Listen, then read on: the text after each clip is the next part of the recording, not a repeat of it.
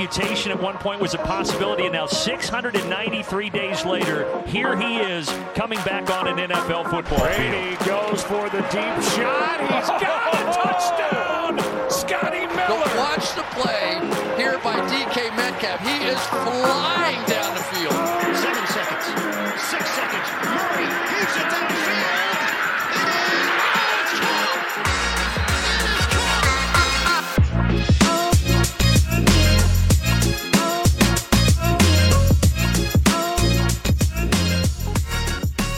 Welkom bij de Sport Amerika NFL podcast. Vandaag gaan we terugblikken op het Super Wildcard Weekend. En eh, er zijn wel wat wilde dingen gebeurd de afgelopen drie dagen in de NFL. Vooral wat uitslagen betreft eh, hebben we toch wat eh, verrassingen te zien gekregen. Dus heel belangrijk dat we die allemaal uitvoerig gaan bespreken. En misschien ook de mogelijke gevolgen van enkele van die wedstrijden gaan bespreken. Ik doe dat uiteraard niet alleen. Ik heb vandaag de ja, meest tevreden NFL-fan eh, in Nederland bij me zitten, denk ik. En dat is eh, Lars Leeftink. Hey Lars. Goedenavond, goedenavond. Vertel eens, Lars, eh, voor, voor degenen die voor het eerst luisteren naar, onze podcast, waarom zou jij zo blij moeten zijn vandaag?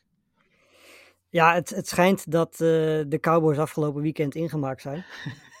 op, in de nacht van zondag op maandag. Dat was, ja, wat een bizarre, bizarre wedstrijd. Ik bedoel, we hebben een paar blowouts gezien dit weekend. En ik denk dat we het merendeel wel zagen aankomen, ook van de Eagles. Alhoewel ik wel verbaasd was over hoe, ja, hoe groot de uitslag uiteindelijk nog werd eh, in de slotfase.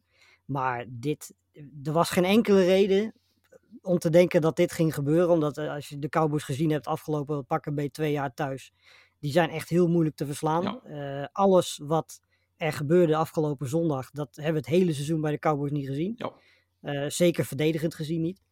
Eh, ja, en het, het blijft er ook bij natuurlijk dat die, die offense waar ze door verslagen zijn, die van de Packers, dat is een zo ongelooflijk jonge offense. Eh, ja, volgens mij hebben ze ze één of twee keer kunnen stoppen in die hele wedstrijd. Ja, inderdaad. Eh, we komen er straks nog uitgebreid op terug, maar Ja. Dat was wellicht de meest verrassende uitslag toch van het, eh, van het hele weekend. Ja, denk Eh, ik wel. Ja. Uh, maar voor we naar de wedstrijden gaan, er is ook wat nieuws uh, te vertellen vandaag. Lars, we zijn trouwens dinsdag 16 januari. Alle wildcard games zijn gespeeld intussen. En misschien wel een van de grootste gevolgen van de wildcard-reeks is dat Jason Kelsey, de bekende center van de Philadelphia Eagles, die heeft aangekondigd alvast aan zijn teammaats, uh, volgens de uh, verslagen, uh, dat hij stopt met American football. En dit na 13 ja. seizoenen in de NFL, Lars. Een Super Bowl gewonnen, zes keer First Team All-Pro, zeven keer de Pro Bowl. Ook ja. een heel beroemde podcast intussen met zijn broer Travis. um, ja, die man, een First Ballot Hall of Famer, zeker weten. En ja, ik denk, het was gewoon op hè, bij, bij Kelsey. En ik denk, de downfall van de Eagles is misschien wel het, uh, het correcte moment om, ook, om, uh, om er een punt achter te zetten. Ja, en ik denk dat hij ook niet de enige gaat zijn. Want er zijn natuurlijk bij de Eagles, uh, het is sowieso niet zo'n heel jong roster meer natuurlijk. Er lopen best wel wat spelers op hun laatste benen die eigenlijk de afgelopen jaren ook al nadachten om, om te stoppen of wel door te gaan. Ik denk dat dit, weet je, vorig jaar speel je Super Bowl, speel je een heel goed seizoen. Er was genoeg reden voor die spelers om te zeggen we keren terug ja. dit jaar.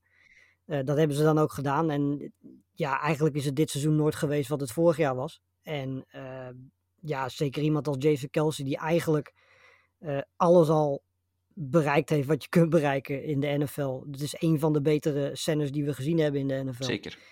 Ja, die heeft niet zo heel veel reden meer om nog een paar jaar zijn lichaam uh, op het spel te zetten. Uh, en zeker als je ziet dat dit team waarschijnlijk nu best wel wat veranderingen door gaat voeren. We weten natuurlijk niet of er iets op het gebied van coaching gaat gebeuren, maar op het gebied van spelers zit er natuurlijk wel wat aan te komen.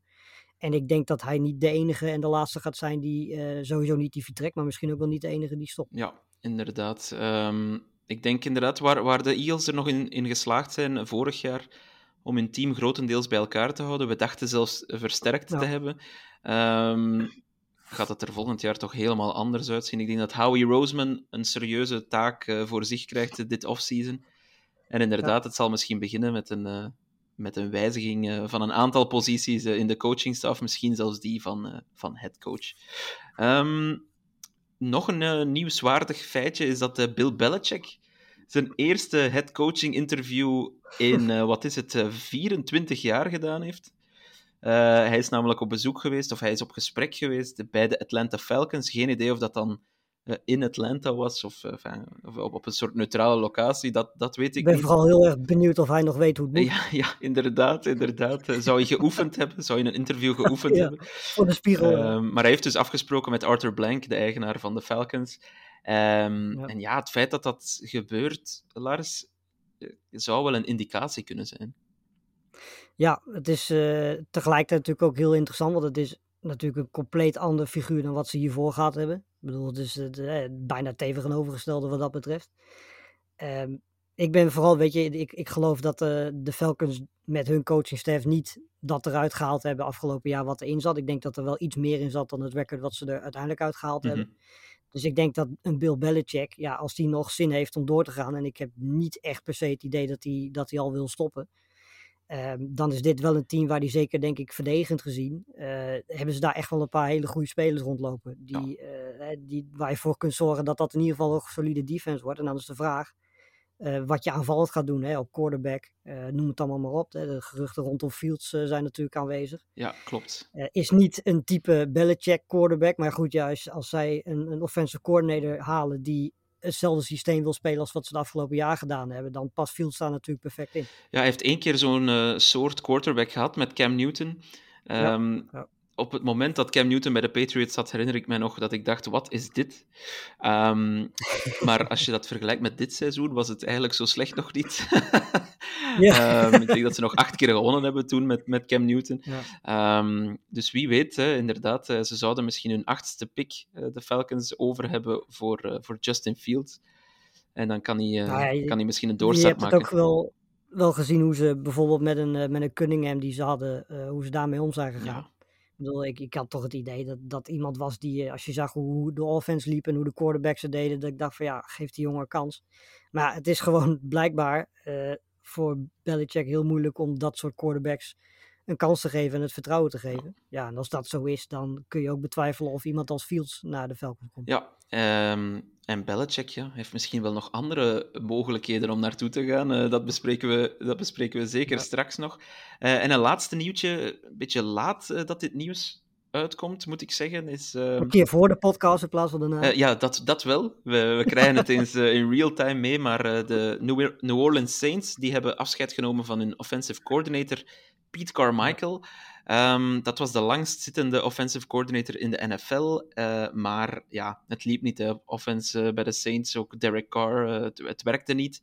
En Nee. niet Dennis Allen zelf, maar Pete Carmichael is er het slachtoffer van, Lars. Ja, volgens mij niet alleen hij, ook een assistent en volgens mij de receiver coach zijn ook ja, ontslagen, zo kun je het gewoon noemen. Dus eh, het is wel duidelijk dat eh, zij het idee hebben dat het vooral aan de offense lag afgelopen jaar. En ik moet heel eerlijk zeggen dat ik het daar wel mee eens ben. Ehm, omdat als je kijkt naar die Saints offense, er is niet veel wat ze niet hebben. Prima offensive lines, ze hebben de wapens, eh, zeker als ze allemaal fit zijn. Carr is een veel betere quarterback dan wat hij afgelopen seizoen heeft laten zien. Ja. Ze hebben goede running backs, dus alle wapens zijn daar. Alleen ja, de coachingstaf heeft daar duidelijk niet het maximale uit kunnen halen. En dan is dit het gevolg. En ik moet heel eerlijk zeggen dat het op zich best logisch is. Ja. Weet je, je kunt discussiëren of je Allen eruit gooit. Maar eh, het probleem lag bij de offense. En dat eh, blijken de Saints ook zo te weten. Ja, ik vind het alleen een beetje ja, laat. eh, waarom, waarom niet Ja. vorige week al tijdens, tijdens de Black Week? Maar Ja. goed. Geen idee. Ehm, alright, Lars, dat wat het nieuws betreft. Wie weet worden we eh, nog verwend tijdens de opname met, eh, met wat breaking news. daarna. Ja, waarschijnlijk vlak erna, inderdaad. Ehm, maar laten we naar de zes eh, wildcard games kijken. En beginnen traditioneel ook nu weer met het moment van het weekend. Wat was dat voor jou, Ja. Lars? Ik kan mij, ik kan mij een wedstrijd inbeelden waar dat moment uit zou kunnen komen. Ja, ik, ik heb geprobeerd eh, uit een andere wedstrijd iets te kiezen, maar het, eh, het, het- ja, het was toch een beetje onmogelijk om te doen. Het, het hoogtepunt eh, voor mij was de interceptie van Alexander. Dat was een, Ja. ja. een bal die je eigenlijk normaal gesproken nooit hoort te vangen. Maar ja, de man is zo goed en we hebben hem de afgelopen weken natuurlijk gemist, de Packers. Die, toen was hij geblesseerd. En hij is op het juiste moment weer fit. En meteen ook heel belangrijk, want het was volgens mij vlak nadat we de eerste, zeg ik uit mijn hoofd, touchdown gescoord hadden. Ja. Ehm, en daar komt uiteindelijk dan de tweede. Ja, dan begin je met een, eh, met een 14-0 voorsprong. Dat is natuurlijk in een uitwedstrijd tegen zo'n goede offense, die in een eerste kwart altijd heel erg goed is. Zijn dat hele belangrijke plays. En eh, ja, deze interceptie was niet alleen belangrijk, maar was ook gewoon bizar goed. Ja. Als je ziet hoe hij die bal vangt. Super atletische play. Eh, hij moest wel later nog van het veld, Alexander. Ik weet niet, Lars, of jij Ja. al eh, iets van nieuws hebt over die blessure. Ik heb daar verder geen nieuws over, maar het gaat wel over de blessure waar hij net van terugkomt. Ai, dus, dat is geen goed In nieuws. principe zou het zo kunnen zijn dat hij, dat hij weer ja, opnieuw geblesseerd heeft. de Eh, maar laten we hopen van niet. Want we gaan hem wel tegen de 49ers nodig hebben met al die eh, receivers. Ja, dat denk ik ook, inderdaad. Ehm, mijn moment spreidt zich over een aantal dagen uit. Het zijn eigenlijk de sneeuwtaferelen in Buffalo. Eh, wat was dat? Op, ze hadden normaal zondag moeten spelen, maar dat ging niet door een, door een ware sneeuwstorm. Een goede beslissing trouwens, vind ik dat vooral. Ja. Allee, ik heb veel commentaren gezien van ja, de voetbal is soft geworden, maar het ging niet om de spelers. dat wil ik toch graag nog eens herhalen. Maar het ging wel degelijk om de fans en de eh, hulpdiensten en alles eromheen. De inwoners Ja. van de staat New York, of toch het westelijke deel van de staat New York. Want vorig jaar was er daar ook een sneeuwstorm en zijn er ongeveer 50 mensen overleden. Ehm, Toen hebben ze wel hun playoff game laten doorgaan, dus ik vind het gewoon een, een prima beslissing geweest. En dan ja, de dag, de dag nadien op maandag, eh, toen ze moesten spelen, dat veld hebben ze wel nog speelklaar gekregen, maar dan die tribunes, dat lag nog vol sneeuw. En ja, je ziet die fans eh, zelfs in de sneeuw, in hun bloot bovenlijf, Ja, door brandende tafels eh, springen. Ja, het, is, het zijn speciale mensen daar in eh, Buffalo, New York. Ja, de- wat mij daaraan vooral blijft herinneren is dat, volgens mij waren het Steelers-fans zelfs, die ja, gewoon dwars door de sneeuw die tot hun knieën kwam naar hun stoel Ja, moesten. ja, ja. Geen idee ook hoe zij weten welke stoel ze dan moeten hebben, maar goed, dat Nee, dan, eh, daar zullen ze wel uit zijn Ja. gekomen, denk ik. Ja. Maar eh, ja, weet je, ik, ik vond het ook wel heel erg vet trouwens hoe de Bills dat oplossen door fans eh, per uur te betalen om een beetje mee te helpen. Dat levert ook bizarre Ja, op. ja, inderdaad. het, het is in ieder geval een leuke manier om het, om het in te steken. En uiteindelijk is die wedstrijd gewoon gespeeld en hebben de Bills ook nog gewonnen. Dus iedereen, behalve de Steelers, blij. Thomas, onze luisteraar Thomas, had daar trouwens nog een vraag over, Lars. Zou jij of ik ook voor 20 euro per uur eh, sneeuw gaan ruimen in zo'n eh, besneeuwd stadion? Nou, als het Lambo is, zou ik het 100% zeker doen. Absoluut. Ja, nee, die kans eh, laat ik echt niet lopen als dat zou Je zou er nog 20 euro bijgeven, zeg maar. Ja, ik zou bijna betalen om het te doen. Ja. Alright, laten we eens naar de wedstrijden kijken, hè, Lars. We gaan het chronologisch aanpakken, dus we beginnen bij de eerste. Dat was meteen een zeer interessante, vooral de eerste helft dan. Er was veel Ja. vuurwerk tussen de Browns en de Texans. Maar het werd uiteindelijk toch ook een eh, blowout. eh, met name toen Joe Flacco eh, ja, alle controle verloor, zal ik maar zeggen. eh, zijn de Texans echt met die wedstrijd eh, weggelopen. Het werd uiteindelijk 45-14. Ehm, ja, vertel eens, Lars, wat is er allemaal gebeurd? Ja, die, die eerste helft was bizar. Dat was eh, tot nu toe de beste en de leukste en meest spectaculaire eerste helft van de playoffs, denk ik. Eh, begon eigenlijk en eindigde eigenlijk met, met defense. Dat was dan wel weer opvallend. Eh, maar in het midden daarvan ja, was het de ene score na de andere score. De ene big play na de andere big play.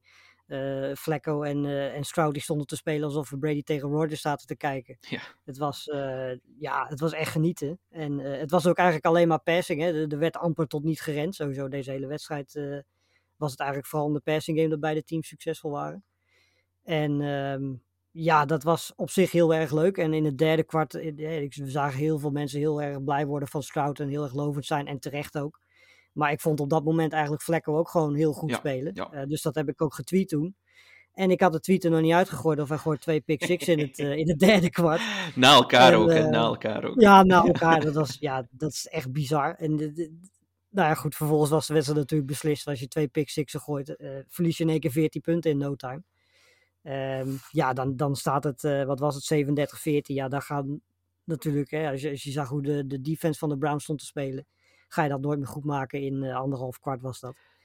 Dus eh, ja, dat was eigenlijk het moment waarop het eh, duel beslist werd in dat derde kwart. Ja, inderdaad. En eh, er kwam dan toch nog een, een laatste goede drive van Stroud, afgemaakt door Devin Singletary, zowaar. Eh, dat is wel heel duidelijk de number one back geworden nu. Heeft Pierce überhaupt... Ah, hij heeft toch, toch drie carries gekregen, Pierce, maar wel voor nul yards. Ja. prima. Zal ook wel in garbage time Ja, zijn. Ja, Lars, CJ Stroud, eh, het is alsof niets hem Ja. deert. eh, ijs in zijn bloed. Ehm, ja, of ijs in zijn aderen, moet je zeggen, zeker. Ehm, ja, hoe goed staat die jongen te spelen? Waar, waar ligt zijn plafond? Nou ja, als je naar hem kijkt, heb je eigenlijk helemaal niet het idee dat je naar een rookie staat te kijken. Dat is eigenlijk het meest bizarre. We hebben de afgelopen jaar natuurlijk heel veel rookie quarterbacks gezien met hele hoge verwachtingen.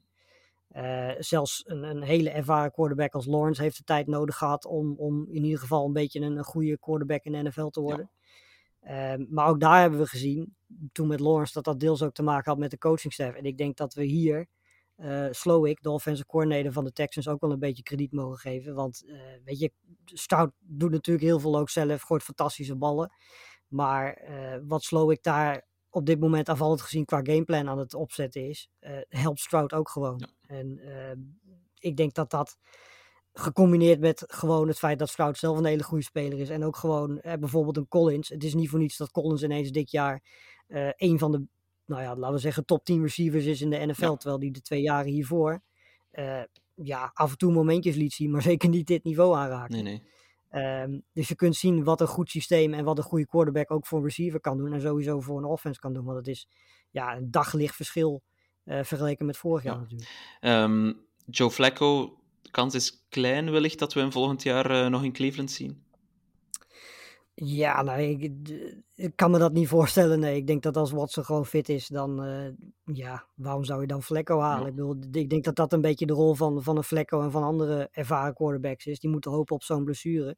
En met een beetje geluk is dat dan bij een playoff team. En kun je zo invallen zoals hij gedaan heeft. Wat, laten we wel wezen, hij heeft wel een beetje de, de verwachtingen overtroffen, denk ik, uh, dit seizoen. Ja, uh, vergeleken met wat we verwacht hadden toen ja. het begon. Uh, dus ja, uiteindelijk als je eh, nagaat dat ze en hun beste quarterback en hun beste running back het merendeel van het jaar gemist hebben. En dan toch uiteindelijk in ieder geval nog de playoffs gehaald hebben, is knap. Maar er zat wel veel meer potentie in dit team dan dat ze eruit hebben kunnen halen, mede door die blessure. Ja, misschien nog één dingetje om uh, op af te ronden. De Browns defense. We noemden ja. die vaak een uh, number one, ja, een elite defense en de, de beste misschien wel in de NFL. En, dat was gatenkaas. Ja, in Cleveland was dat ook zo, maar, maar uh, ja, uh, um, hoe moet ik... ik ja, ik, ik wou weer iets zeggen dat uh, Vlaams is, uh, sorry. um, ja, op verplaatsing zijn ze dus um, zijn ze de slechtste defense van de NFL. 32e ja, in scoring, als ik het goed heb. Hoe, ja, waar, waar kan dat aan liggen, Lars? Ja, dat is een hele goede vraag. Ik, je, je, zou bijna denken dat dat iets met communicatie is of zo. Want uitwedstrijden is natuurlijk altijd luidruchtig. Aan de andere kant ja, fans gaan ook niet dwars door hun offense heen praten. Dus het is niet zo dat de defense in uh, heel veel lawaai aan het spelen is. Um, ja, wat heb je daar verder voor redenen die je kunt bedenken? Ik heb uh, eigenlijk geen idee. Want volgens ja, het zou kunnen zijn dat ze misschien uit een compleet ander uh, gameplan hebben dan thuis. en dat dat gameplan gewoon niet werkte. Ja. Dat, dat zou kunnen. Maar ja, dan zou je toch zeggen halverwege het seizoen van laten we dat dan maar mee stoppen. En gewoon de gameplan doen wat we ook thuis doen. Dus. Ja, precies ik vind het heel. Ja, ja het is heel bijzonder. Het verschil is, is, is heel bijzonder. En ja, nu, ja, ze laten ook weer uh, 356 yards toe. Uh, rushing valt dan nog mee, maar vooral passing was niet goed natuurlijk. Ja. En, uh, en ja, drie touchdowns, dat is, dat is ook niet best natuurlijk. en zes turnovers tegenover nul werkt ook niet heel erg. nee, inderdaad. Nee, zeker als twee van die turnovers ook nog 14 punten opleveren. Um, Lars, we hadden het er al heel even over voor dat we be begonnen op te nemen, maar deze Texans ergens. Ja, hoe moet ik het zeggen? Ergens voel je toch wel aan dat het misschien wel mogelijk is om te stunten tegen een Ravens-team dat al twee weken geen voetbal gespeeld heeft. Ja, nou ja, dat, weet je, we hadden het er inderdaad over voordat we aan deze podcast begonnen. Dat zowel de, de Packers als de Texans een beetje in dezelfde situatie zitten. Twee teams die uh, heel erg in vorm zijn, zeker aanvallend gezien. Twee goede quarterbacks hebben. Uh, tal van wapens hebben. En die gaan nu spelen tegen twee teams die op papier sterker zijn, meer kwaliteit in huis hebben, ervaren hebben, ervaren hebben uh, thuis spelen. Weet je, dat ja. zijn allemaal dingen die in je voordeel zijn. Het enige wat, en dat heb ik zelf als Packers-fan ook meegemaakt, is dat je gewoon een week hebt zitten toekijken. En eigenlijk ook in die week je amper kunt voorbereiden. Je kunt je voorbereiden op, op verschillende teams. Maar je weet natuurlijk niet tegen wie je speelt. Omdat het ook allemaal met seeding te maken heeft. Ja. En je speelt uiteindelijk tegen de laagste seed. Nou, dat kunnen drie, vier teams zijn. Ja, inderdaad. Dus die week kun je je eigenlijk niet voorbereiden. En dat kan je eigenlijk pas deze week doen. Ja, dat is. Het, ik heb het met de Packers wel meegemaakt. Dat zeker dan de eerste helft zie je gewoon dat ze een tijdje niet gespeeld hebben. En ja, als je dan in, in, het, in het geval van de Texans en de Packers zo in vorm bent uh, kan dat zeker ervoor zorgen dat je in de eerste helft uh, misschien een voorsprong pakt. En dan maak je zeker kans. Ja, ja ik ben, uh, ben heel benieuwd. Het lijkt me echt wel een. Uh... twee, die zaterdag wordt, volgende week, ja. aankomende zaterdag alweer, wordt echt een hele mooie. Oh ja, want 49ers Packers is ook op zaterdag. Ja, inderdaad. Ja, inderdaad. ja. ja lekker. heel, heel, leuke, heel leuke affiches. Um, Saturday Night uh, Football dan. Uh, dan stonden de Dolphins tegenover de Chiefs in een uh, ja, gewoon absurd koud Kansas City. Um, vond Tua niet leuk? nee, nee, dat vond Tua helemaal niet leuk. Trouwens, ik las ergens dat de, het verschil in gevoelstemperatuur van het moment dat ze het vliegtuig opstappen tegenover het moment dat ze dan op het veld stapten, dat dat ongeveer 50 graden verschil was. Ja, dat is natuurlijk, dat, dat, is natuurlijk niet best. En um, nee ja, ik weet niet hoe jij er naar keek, uh, Lars, maar ik vond dat de Dolphins aan beide zijden van de bal gewoon ja, helemaal niet op de afspraak waren. Ze verloren uiteindelijk nee. 7-26. Nou ja, dit was, uh, de eerste helft eh, was dan in ieder geval de defense, die hield je er dan nog in. Hè? Want het was, uh, je krijgt 16 punten tegen. Je scoorde zelf 7. Weet je, in die eerste helft vond ik niet per se de Chiefs extreem veel beter. Maar het was de tweede helft. Ja, weet je, dan valt je, defense, ja, je offense valt stil. Dat was eigenlijk in, in de eerste helft al zo. We hebben het vaker gezien uh, dit seizoen bij de Dolphins tegen hele goede teams. Uh, dat ze het gewoon een heel stuk moeilijker hebben. En in de tweede helft zie je gewoon dat de, de Dolphins defense gewoon ja, niet meer het antwoord heeft wat ze in de eerste helft hadden. En dan lopen de Chiefs uiteindelijk met, uh, met, met één field goal en een touchdown uit. En dan is het aan het begin van het vierde kwart is het 26-7 en is het afgelopen. Want eh, zoals de, de Dolphins op dat moment aanvallend stonden te spelen, had je totaal niet het idee dat ze daar nog van, uh, van terug zouden komen. Um, en eh, ja, zelfs de speler die er wel dan nog een beetje aan gewend is, Tyreek Hill, ja, die was voor zijn doen vrij onzichtbaar. 62 yards en een touchdown. 8 targets, 5 catches. Het is uh, ja, voor veel receivers een best prima aantal. Maar ja, als je de cijfers van heel gewend bent, dan, uh, kun je toch wel stellen dat de Chiefs het goed gedaan hebben tegen. En van zijn uh, eh, 62 yards uh, kwamen er uh, eh, 53 in één keer. Die, die touchdown was wel mooi. Die touchdown was een ja. soort vintage Tyreek Hill moment. Maar ja. Um, ja, ik vond... Dat was het dan ook wel. Ja, inderdaad. inderdaad. Ik vond vooral... Ik weet het niet. er was geen running game bij de Dolphins. Um, Nochtans, zowel Mostert als, als Etienne waren erbij. Mostert misschien niet helemaal fit, maar oké. Okay. Um, ook een O-line was volgens mij helemaal fit, of uh, het scheelde niet veel. Ja. Maar ja, dan, dan kijk ik toch automatisch ook naar uh, Tua, hè. Tua. Tua was absoluut niet op de afspraak. Gooit nog nee. een slechte interceptie. Um, haalt niet eens 200 yards. Als de spotlights het uh, felst schijnen, Lars, dan verdwijnt ja. Tua een beetje. Mogen we dat ondertussen zeggen? Uh, ja, dat denk ik wel. Ik denk dat we uh, een Tua tegen, nou ja, noem maar op, de Steelers, uh, de, de, Browns, dat soort teams, dat het gewoon een stuk beter gaat. En Tua tegen teams als de Chiefs, de Bills, en ga zo maar door. Daar heeft hij toch een stuk moeilijker mee. En dat is natuurlijk niet alleen maar hem. Dat is ook de coachingstaff, dat zijn ook de, de, de andere spelers om hem heen. maar ja, het begint nu wel zo langzamerhand een beetje een ding te worden natuurlijk. En ja, het is ook niet zo dat hij niet zoveel ervaring heeft. Want inmiddels heeft hij toch aardig wat wedstrijden gespeeld. En hoop je dat dat dan met ervaring beter wordt.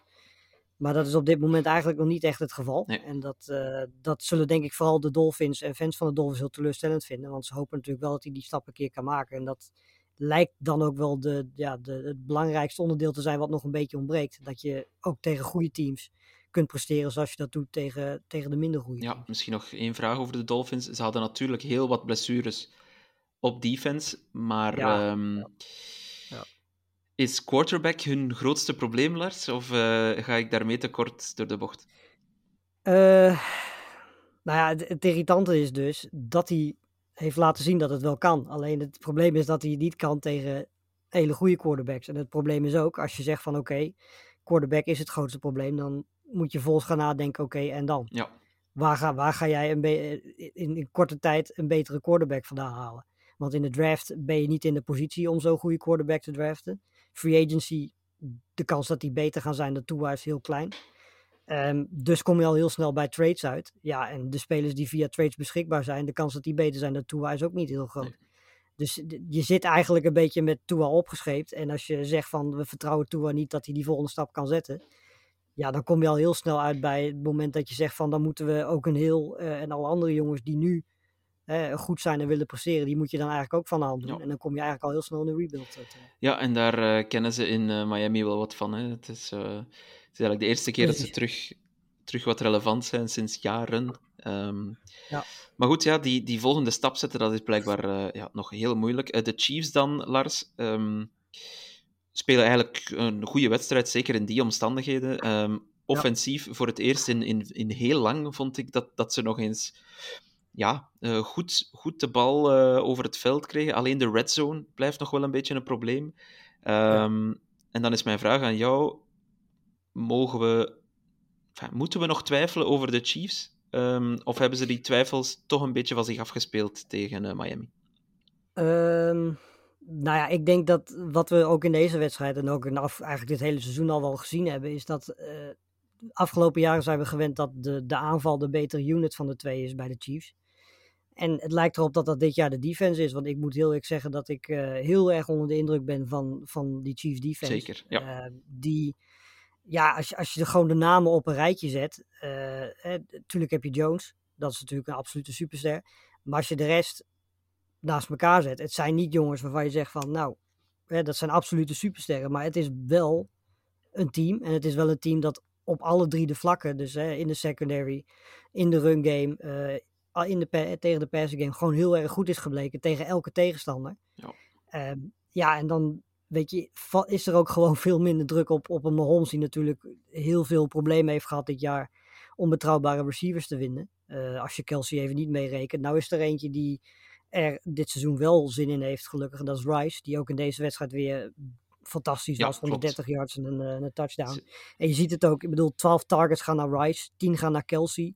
En de volgende is Hartman, die krijgt er drie. Dus eh, het is redelijk duidelijk wie Mahomes het meest vertrouwt op dit moment. En ja, om heel eerlijk te zijn, is het ook niet zo heel gek, want de rest heeft gewoon niet zoveel laten zien. Nee, eh, Kelsey wel een aantal drops weer. Pff, oh, Kelsey, Ja, bijzonder. ja, daar, daar maak ik me dan wel nog een beetje zorgen over. Maar Rice, eh, zeker eh, yards after the catch, eh, was, was zeer goed tegen de Dolphins. Zou door Taylor Swift komen? Ehm, ik, ga daar geen, ik ga daar geen uitspraak over doen. maar ik vond het wel mooi dat ze in min 30 graden toch, toch ja, toch op de- ze, ze- ze houdt het wel vol. Ja, ja. Dat, Absoluut, absoluut. Trouwens, die defense van de Chiefs. De, ik ben hier even naar de cijfers aan het kijken. George Karlaftis bijvoorbeeld. Vorig jaar nog, nog niet eens een eh, starter. Of toch niet in het begin van het seizoen. Die had anderhalve sack, eh, drie quarterback hits, één tackle voor los. Dan heb je een goede wedstrijd gespeeld, eh, Ja. denk ik. Ja. nou ja, precies. Maar het zijn ook... Hè, eh, Tranquil speelt een heel goed seizoen. Snead, Ja. eh, de cornerback, eh, is prima. Nick Bolton. ja, Nick Bolton. McDuffie, ja. inderdaad. Weet je, het zijn allemaal, het zijn geen absolute supersterren, maar het zijn allemaal hele goede spelers. Ze hebben gewoon een hele brede verdediging en ook nog eens gewoon een hele goede coachingstaf aan die kant. Want dat mogen natuurlijk ook wel inmiddels zijn. En eh, op die manier krijgen we steeds meer misschien vibes van de Patriots in hun laatste Super Bowl. Ehm, die eigenlijk ook een, een, naar hun normen, slecht regulier seizoen hadden. Maar waar het dan toch in de playoffs ineens begon te lukken eh, en ze toch Ja. de Super Bowl wonnen. Ik, ik vlak ze niet uit hoor, eh, de Chiefs. Eh, ze zijn niet kansloos. Nee, in de playoffs eh, moet je de Chiefs absoluut niet uitsluiten, want dat is gewoon een team dat, ja, weet je, die vinden hè, het reguliere seizoen is belangrijk, maar goed, ze zijn niet echt uitgedaagd in hun divisie dit jaar. Hadden we misschien iets meer van verwacht. Eh, van die divisie zelf. Eh nou maakten de Chiefs het zelf zichzelf nog uiteindelijk moeilijk. Maar eh, uiteindelijk winnen ze die divisie dan gewoon. Ja, uiteindelijk gaat het voor al die spelers die daar spelen, gaat het wel gewoon om de play-offs. En op het moment dat die play-offs dan beginnen, dan moet je er staan. En dan eigenlijk telt nu de rest van het seizoen niet meer. Dat klopt. En ja, ze staan er in ieder geval in deze wedstrijd gewoon. De vraag is nu hoe ze dat tegen de Bills gaan doen. En laten we in godsnaam hopen dat het net zo'n mooie wedstrijd wordt als eh, volgens mij inmiddels al twee jaar Ja, geleden. klopt, inderdaad. Ja, Eh, toen ook een AFC Championship. toen was het een AFC Championship game, als ik Ja. me niet vergis. Ehm, ja, dat. Die wedstrijd ga ik nooit meer vergeten. Nee, nee, nee, niemand. Niemand fantastisch. Dus inderdaad, fingers crossed dat beide teams op, hun, op, hun, op hun best zijn in die wedstrijd. Trouwens, ja, eh, Mahomes, door, door de andere uitslagen, het zal de eerste keer zijn in zijn carrière, Lars, dat hij een uitwedstrijd zal spelen in de playoffs. Natuurlijk eh, exclusief zijn Super Bowls. Ehm, Maar een echte uitwedstrijd eh, met alleen maar fan, fan- of bijna alleen maar fans eh, van de tegenstander. Toch bijzonder, hè, dat, dat record. Bizarre stat. Ja. Net zoals het bizar is dat hij nu al zesde staat volgens mij in playoff wins. Ja. Terwijl die... eh, 15, nou dacht ik. jaar is- 15 heeft hij er denk ik al. Het is de- de- vrij bizar dat hij, eh, als je ziet hoe kort hij eigenlijk nog in de NFL is, wat hij allemaal al bereikt heeft. En eh, dat gaat de komende jaren ook nog wel door. ik. Denk dat we dat snel vergeten ook. eh, dat, hoe goed zeker. Patrick Mahomes is. We, we, we zijn dat heel snel gaan ehm, Ja, je- normaliseren. je bent er heel snel aan. Ja. Op het moment dat hij op zo'n niveau zit, dan word je al heel snel afgeleid door andere spelers, zoals bijvoorbeeld de CJ Stroud. En over drie, vier jaar zijn we gewend dat hij zo goed speelt en is er weer iemand Ja, anders klopt. waar je dan je focus op hebt. Zo gaat dat. Klopt, klopt. Ehm alright. Ik neem even een eh, slokje water. Ja, eh. Lars, eh smeer je stembanden zou ik zo zeggen, want we gaan naar de namiddagwedstrijd, zullen we het maar noemen, van zondag. Ehm, de Packers die gingen op bezoek bij de Cowboys. De Packers, de zevende seeds, breng ik nog even in herinnering. De Cowboys, de tweede seed. De Cowboys, 16 wedstrijden op een rij, ongeslagen in het eigen AT&T-stadium. Scoorden daar gemiddeld 37 punten. ehm, waren ook een 7-point favorite tegen de Packers. Een 7 seed had nog nooit gewonnen in de playoffs. Lars, eh, de, de Packers, ik ga, zo meteen geef ik de micro aan jou, maar de Packers die wonnen de tos. En eigenlijk hadden we het daar al kunnen weten wat er ging gebeuren. Want Ja. ja, heel uitzonderlijk wonnen ze de tos en zeiden ze: geef ons de bal maar als eerst. Ja. En wat doen ze? Ze rammen de voetbal door de strot van de Cowboys. Meteen een touchdown. eh, acht minuten, denk ik, de eerste drive. Gewoon fantastisch. En eh, ja, ze hebben niet meer omgekeken. Eh, vertel eens. Nou ja, het was, die, die keuze om inderdaad voor de, voor de bal te gaan was inderdaad ook bewust. Want de Cowboys zijn dit jaar een van de betere teams scorend in het eerste kwart. Ehm, dus dat betekent als zij de bal krijgen is de kans vrij groot dat ze ook meteen scoren. Ehm, en dat was duidelijk iets wat eh LeFleur niet wou. Ehm, dus ze hebben gekozen om, om zelf de bal te pakken. En ja, weet je, dat was eigenlijk al meteen voor mij ook al een beetje het gevoel van ja, dit is wel in ieder geval de manier om het aan te pakken als je de achtergrond weet van, van hoe de Cowboys speelt. En als je dan vervolgens ook nog eens een keer zo'n drive neerzet eh, en meteen met 7-0 opent, ja, dan, dan begin je meteen de wedstrijd heel erg goed en heel erg lekker. Want in plaats van dat je achter staat, sta je ineens 7-0 vooruit. Ehm nou ja, goed, vervolgens eh, ja, eh, krijg je twee punts. Nou, dat was op zich niet bijzonder. Dan krijgen we dus die, die interceptie van, eh, van Alexander, die ervoor zorgt dat je op 14-0 komt. Eh, toen begon het geloof bij mij eigenlijk al een beetje toe te nemen. maar ik had nog steeds het idee dat dit te mooi was om waar te zijn eigenlijk. En dat eh, was daarna eigenlijk nog steeds zo toen ze op 21-0 kwamen. Eh, weer een fantastische drive. Ik bedoel, dat was eh, eh, vier drives, drie touchdowns. Dat is in principe in een uitwedstrijd fantastische scoren. Zeker. Ja, en toen kwam het voor mijn gevoel een beetje het beslissende moment. Ehm, waarbij je duidelijk kon merken dat, dat de Cowboys wat meer naar de passing game gingen. Zeker op first downs begonnen ze meer op, de passing game op te zoeken, waar ze juist zo goed in zijn. En ja, toen kwam die pick six. En ehm, ik kon eigenlijk niet eens reageren, omdat ik eigenlijk niet zo heel erg goed begreep wat er allemaal gebeurde. Het stond ineens eh, ja, door die pick six 27-0 met rust. Eh, of in ieder geval richting de rust. En ja, weet je, vier possessions voorsprong hebben in een uitwedstrijd tegen een team dat thuis zo goed speelt. Dat eh, ik, ik heb meerdere keren dat scorebord moeten checken. Of het niet aan mijn televisie lag dat het, dat het er stond. Maar het stond terecht. Eh, en daarna waren er eigenlijk nog twee momentjes dat ik eventjes dacht van... Dit kan nog, eh, kan nog fout gaan. Dat was die score toen van, eh, van de Cowboys vlak voor rust. Eh, wetende dat ze natuurlijk daarna de bal in de tweede helft meteen ook weer kregen. Dus er was 27-7. Nou ja, toen vervolgens bleek die drive, de eerste drive na rust van de Cowboys heel goed te zijn. En toen gingen ze voor een field goal. Ja. Omdat ze een penalty kregen. Dat, die, die, die play voor die penalty leverde een touchdown op. Maar die werd teruggehaald. Vervolgens gingen ze voor een field goal. En ik snapte dat niet helemaal. Want in principe was het, het, het rekenen vrij makkelijk. Ze hadden drie touchdowns en twee extra points nodig. Inderdaad. En eh, ja, die field goal namen ze en daardoor bleef het een drie possession game. En ja, voor mij was het toen eigenlijk, toen dacht ik van ja, dit gaan, dit gaan de Cowboys never nooit niet meer goed maken als ze die touchdown hadden gescoord. Was het een twee possession game geweest. Dan had ik het nog wel willen zien wat er gebeurde, want dan is het momentum helemaal bij de Cowboys. Maar dat gebeurde niet en dat was wel het beslissende moment. Ja, en als je dan vervolgens die drive daarna ook nog eens een keer scoort. Ik bedoel, Aaron Jones was, was niet te stoppen in deze wedstrijd. Ja. Het is heel belangrijk dat je natuurlijk ook die, die running game op gang brengt. Want je houdt daarmee natuurlijk ook de Cowboys offense eh, meer van het veld af. En Aaron Jones was gewoon niet te stoppen. Die haalde bijna elke, elke run die hij had, haalde hij 5, 6, 7 yards. Ja, Eh, vooral in de tweede helft. Hè. In de eerste helft Ja. viel het nog mee. Dan, ik herinner me dat hij op, op 3,5 yards Ja, of zoiets zat. Maar in de tweede helft kwamen er dan ineens eh, runs van 10 yards, 11 yards bij. En, Ja. en het was alsof de Cowboys defense dacht: hey, pff, laat, het, laat het zitten. we hebben, Ja, we hebben er precies, geen ja, zin we- meer in. De, de, de Packers die zochten daar ook meer naar natuurlijk, omdat ze, ja, ze wouden de, de, de klok natuurlijk gewoon door laten lopen. Want ze hadden een voorsprong, er is geen reden om dan ineens heel veel te pasen. Ehm, ja, en als Aaron Jones gewoon zo door blijft rennen, is er ook geen reden om te stoppen met, eh, met Aaron Jones gebruiken. Precies. En ze hadden er gewoon geen antwoord op. Ja. Dus eh, ja, dan moet je er gewoon mee doorgaan. En dat eh, uiteindelijk, wat scoort hij in totaal uiteindelijk? Even kijken, 118 yards en drie touchdowns. 5,6 Fantastisch. eh, average. Ja, dat is, eh, dan mag je wel een goede wedstrijd doen. Ja, absoluut. En ja, eh, als je naar de score kijkt, eh, Lars, 48-32, dan denk je, oh, Ja. was dit misschien nog een, een close game? Maar even in herinnering Ja. brengen voor de luisteraar die niet zou gekeken hebben. Bij het begin van het vierde kwart stond de score na een Romeo Dubs touchdown. Dubs trouwens, die fantastisch was. Ja. Ehm, vangt ook 151 yards uit zes catches, dat vertelt ook al genoeg. Ehm, Ja. Toen stond de score 48-16. Dus Ja, ehm, en toen, het- eh, toen werden de starters eruit ja, gehaald. toen, van, toen eh, werd iedereen eruit gehaald. eh, Love, Jones, ook op verdediging. Ehm, En dan kon Jake Ferguson nog twee keer een touchdown scoren. Maar goed, ja, dat, dat maakte echt, dat maakte echt niet, niet meer uit.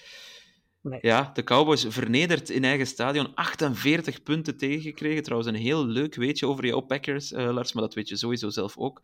Maar de Packers zijn ongeslagen in AT&T Stadium. Eh, Ja, heerlijk, dus toch? sinds dat dat stadion eh, gebouwd is, hebben de Packers daar nog nooit een wedstrijd verloren, inclusief hun gewonnen Super Bowl. Super Bowl. Je zou bijna vragen of je in de playoffs gewoon daar thuiswedstrijden mag spelen. Ja, inderdaad.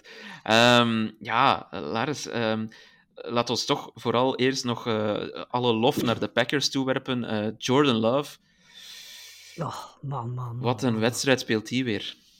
Ze hebben het gewoon weer voor elkaar. Ja. Het is echt de derde keer op rij. De- Ik zag eh, laatst ook een, een, een video, die heb ik ook gedeeld op Twitter, waarin je eh Brad Favre en Rodgers en Jordan Love achter elkaar ziet. En het zijn gewoon drie kopieën van elkaar. Hoe die, hoe die eh, zeker in de pocket rustig blijft, beweegt en dan vervolgens met een beetje achteroverleunen heel rustig die bal gooit. Ja, voor iemand die in zijn eerste seizoen speelt in de NFL en die zeker aan het begin van het jaar echt best wel wat moeite had. eh, wat niet gek is. Ik bedoel, je hebt allemaal eerste, tweedejaars receivers. Eh, het, is zelf je eerste wedstrijd waarin er ook gewoon veel van je verwacht Ja. werd. Er was geen running game op dat moment, zoals die er nu wel is. Ja, en die, die wedstrijd tegen de Lions op, op Thanksgiving, die net zo indrukwekkend was eigenlijk als deze uitoverwinning op de, op de Cowboys. Dat was eigenlijk een beetje het, het, omslagmoment. En vanaf dat moment heeft, heeft Love niet meer omgekeken, heeft die offense vooral niet meer omgekeken. En ja, bedoel, als je ook deze wedstrijd zag, de Cowboys die best wel een goede defense hebben, die hadden gewoon op, op de run game geen antwoord, op de passing game geen antwoord. Er was geen pressure. En als er wel pressure was, dan eh, interesseerde Love dat vrij weinig. En Ja. gooide die gewoon nog steeds uh, complete. Ja, dat, dat, eh, dat herinner ik mij ook. Er was één paas, ik denk dat het op, wederom naar Dubs was, ehm, Ja. dat Parsons echt wel in zijn gezicht staat, hem ook tegen de grond werkt, maar blijft zo kalm. Ik zei daar straks dat CJ Stroud ijs in zijn aderen heeft, maar Jordan Love, die, die heeft het precies hetzelfde. Eh, want hoe kalm blijft hij blijft hij in zijn pocket? Ja, ja, nee, heel erg. En dat, is, dat was iets, dat kan ik me nog wel herinneren vanuit, eh, vanuit de draft, wat het ding was. Zijn, zijn decision making en ook het, het blijven staan in de pocket en het meer dan één read eh, doornemen. Dat is iets, wat- weet je, als je nu gewoon kijkt, hij blijft gewoon rustig staan. Hij kan gewoon één, twee reads doorkijken en dan op een gegeven moment staat er iemand vrij. Dat is natuurlijk ook deels te danken aan de offensive line, die dit jaar ook gewoon weer uitstekend speelt. Eh, dat is de enige ervaren unit zo'n beetje die je aanvallend gezien hebt. En die heeft eigenlijk het hele jaar eh, fantastisch gepresteerd. Ehm, dus dat helpt natuurlijk ook heel erg als je veel de tijd krijgt. Maar ja, zelfs als hij onder druk staat, doet hij het heel goed. En dat was voor mij van tevoren de grote vraag. Dit, dit hele seizoen stond in het teken van de achterkomen of Jordan Love de quarterback van de toekomst kon zijn. Ehm, ik denk dat we ons antwoord daar wel op hebben, hebben inmiddels. Nee, En, daar moet je niet meer vooral aan die- twijfelen. die- ja. Nee, dat denk ik ook niet inderdaad. Ik denk, eh, ja, voor mij was het hoogtepunt eigenlijk die, die laatste touchdown pass. Eh, op, eh, de- dat was volgens mij was dat eh, op fourth down dat ze er zelfs voor gingen. Ja. Ik bedoel, ze stonden al dik voor met eh, 41-16, maar LeFleur denkt van weet je wat, maakt het uit. We gaan er gewoon voor. En ja, dan gooit Jordan Love ook nog eens een keer een, een, een bal zo met de zijkant eigenlijk een beetje schuin gooit hij hem door drie, vier verdedigers heen naar Dobbs. Ja, dat was het, uh, de kerst op de taart, Ja, wat dat betreft. Absoluut. Ehm, misschien nog een laatste ding over de Packers, eh, Lars. Hun defense, eh, en zeker ja, de coordinator, Joe Barry. Ik weet dat heel veel Packers-fans ehm, Ja. maar wat graag wilden dat hij werd ontslagen. Ehm, moeten we onze excuses aanbieden aan Joe Barry? Of, eh, Nou ja. of, of, of wat is er hier gebeurd in die wedstrijd? we kunnen wel eh, constateren dat eh, ja, de defense gewoon heel goed gespeeld is. Zeker op, op third down. Er waren een paar momenten. de, de Packers hebben, of nee, de, ja, de Packers hebben in principe 16 third downs weggegeven. Wat natuurlijk altijd al een goed teken is. Hè, dat je niet ehm, op first down of op second down al meteen zoveel yards weggeeft dat Precies, de Cowboys een first down ja. hebben. Dus je kunt altijd beter in die situatie komen. Het, het was nog steeds zo ook in deze wedstrijd dat er momenten waren dat ze dat dan niet afmaken. Dat is eigenlijk het hele seizoen al een beetje het ding geweest. Maar ja, de, de, vooral de secondary stond heel goed te spelen. Want eh, de receivers van, van de Cowboys die konden amper tot niet openkomen. We hebben de hele wedstrijd ook die connectie tussen, tussen Lamb en Prescott. Die waren meer met elkaar aan het praten ja. dan dat ze elkaar konden vinden. Daar, daar was echt iets Ja. aan de hand, Lars. Eh, in Ja, de eerste precies. helft, Lam, ik weet niet wat er was, maar hij liet ook een, een, een bal door zijn handen vliegen. Dat was Ja. heel bizar. Eh, ook McCarthy was tegen hem aan het praten. Ik was Ja. eh, constant ook, want ik heb eh co-commentaar gegeven voor deze wedstrijd. En we waren constant Twitter aan het afschuimen om, om te vinden wat er aan de hand was met, met CD Lamb. Ja. Want ja, dat, dat, dat leek echt nergens op. Ja, het was eigenlijk pas de tweede helft, toen de wedstrijd al beslist was, dat ze, dat ze besloten om echt gewoon heel veel te gaan pasen. Ja, toen was het al te laat natuurlijk. En weet je, ja, dat was de tweede helft van de, van de Packers defense, was een beetje de defense die we de afgelopen periode gezien Ja. hebben. Maar ja, de eerste helft was, was hoopgevend en dat, dat zul je tegen de 49ers een Ja. hele wedstrijd vol moeten houden. Want, En eh, dat is de grote vraag of dat gaat lukken. Ja, want eh, om dan te switchen naar de Cowboys, eh, als, er, als er één schoolvoorbeeld is van hoe een boxscore eh, je kan misleiden, dan ga ik Ja. even de cijfers meegeven van de Dallas Cowboys in deze wedstrijd. Dus ze scoren 32 punten. Ze halen maar liefst 510 offensive yards. Eh, zetten 10 third downs om. Dak Prescott bijvoorbeeld, 403 passing yards. Ja. Maar Lars, ze waren zo slecht. Het is eh, ongelooflijk. Het is, eh, in het Engels zeggen ze ehm, lipstick on a pig. Eh, maar dit, dit was het ook wel echt. Allemaal garbage time yards, allemaal garbage Ja. time touchdowns. Ehm CD Lamb haalt nog 110 yards, maar die was echt niet goed. Ehm, dus ja, ik weet niet. Ehm Dak Prescott ook, misschien moeten we met hem, met, met hem beginnen. Ehm, ook hij, een beetje zoals Tua Tagovailoa.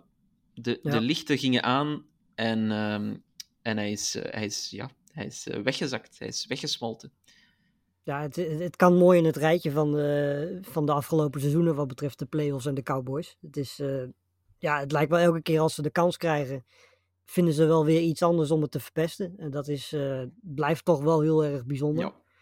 Eh, ik ben heel benieuwd wat er met McCarthy gaat gebeuren. Want ja, weet je, er is op basis van het reguliere seizoen niet zoveel reden om er iets te veranderen. Maar ja, dit is natuurlijk wel een enorme eh, klap en teleurstelling als je zo'n seizoen gehad hebt. Thuis zo domineert en dan eigenlijk na één helft al klaar bent. Dat is natuurlijk, ja, tegen zo'n jonge offense vooral. Eh, het, het liep aan beide kanten ook gewoon niet. Nee. Het was aanvallend niet goed. Het was verdedigend niet goed. Klopt. Eh, ja, niks werkte gewoon. En het, dan, ja, ik, ben- ik ben heel benieuwd. Want ja, is er een reden? Het, hoeveel seizoenen zit hij nou nu? Eh, eh, wacht, hè, 2018 werd hij ontslagen bij de Ja. Packers en werd hij dan direct eh headcoach?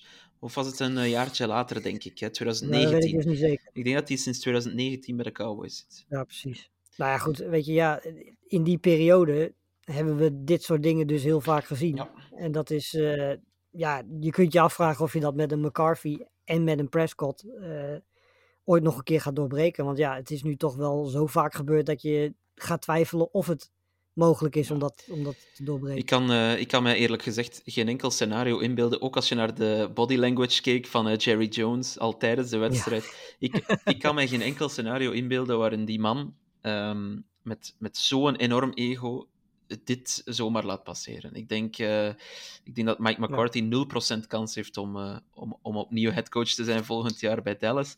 En uh, we, we hinten er straks al een beetje naar, Lars, maar er staat misschien wel iemand klaar die het stokje kan overnemen. Hij is net ontslagen bij de New England Patriots.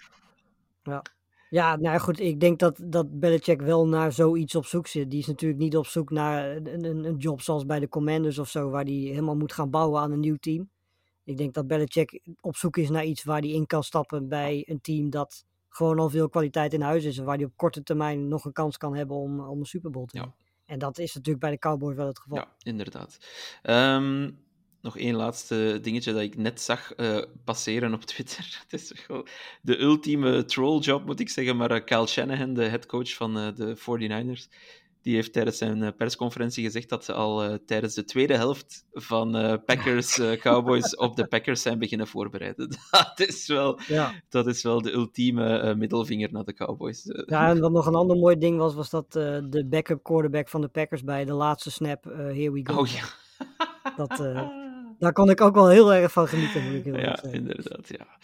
Oh, de Cowboys ze hebben het zichzelf toch weer, uh, toch weer op de nek gehaald. Het enige thuisteam, Lars, uh, dat in deze wildcard-ronde verloren heeft. Ja. Uh, je verzint het eigenlijk niet. ja. Alright. Het is inderdaad zo'n beetje het laatste team wat je dan ook zou aanwijzen. Ja, klopt. Um, goed, Sunday Night Football. Dat was de enige spannende wedstrijd eigenlijk van het weekend de Rams op bezoek bij de Lions. We hadden dat ook wel een beetje verwacht, dat een shootout zou worden tussen Matt Stafford uh, bij de Rams, natuurlijk voormalige Lion, en Jared Goff, een voormalige Ram, zijn voor elkaar geruild, uh, overigens. En um, ja, het is uiteindelijk Jared Goff die de overwinning uh, thuis hield voor de Lions. En ik word daar best wel blij van, Lars. Ja? Leg uit. Ja, ja jij, niet jij niet natuurlijk, maar ik vind het zo'n mooi verhaal. Jared Goff toch wel echt um, bij het huisvuil gezet uh, in, in LA. Ja. Um, en dat Dan Campbell dan zegt: uh, Detroit thinks you're good enough, Jared. Ik vind dat, een, uh, ik vind dat prachtig. Ja. Um, nou ja, dat is inderdaad het, het, natuurlijk ook de voornaamste reden waarom heel veel mensen die neutraal zijn in deze kwestie, toch wel een beetje hopen dat de Lions ver komen. Dat begint natuurlijk, of is begonnen vooral bij, bij Dan Campbell natuurlijk. Ik bedoel, de, de manier waarop hij dit team natuurlijk niet in zijn eentje, maar met heel veel mensen uh, heeft weten om te draaien tot een team dat nou ja, toch wel redelijk serieus mee gaat doen om een om plek in de Super Bowl, denk ik. Ja, ja dat, is, dat is heel knap. En uh, hoe die zich natuurlijk ook naar buiten presenteert, maar ook presenteert richting, richting zijn spelers. Het is net alsof je naar een speler zit te kijken. Dat is volgens mij wel iets wat, ja, wat spelers kunnen, kunnen waarderen, zowel jonge als oudere spelers. Ja. Um, en het werkt. Ik bedoel, uh, ja, dat hebben we de afgelopen twee, drie jaar gezien. Ze hebben heel rustig dit team opgebouwd. En uh, nu plukken ze daar de vruchten van. En ik moet heel eerlijk zeggen, deze wedstrijd uh, vond ik ze anderhalf kwart echt heel veel beter dan de Rams. Ja.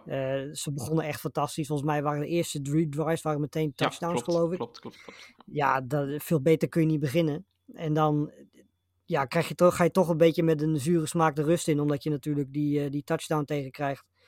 Uh, vlak voor rust. Dan is het ineens 21-17. Ja, en dan krijg je in de tweede helft een wedstrijd die uh, met drie field goals dan uiteindelijk beslist wordt. Uh, Rams krijgen natuurlijk uiteindelijk nog een kans in dat vierde kwart. levert niks op en dan maak je natuurlijk uiteindelijk zelf wel heel volwassen af met die laatste drive.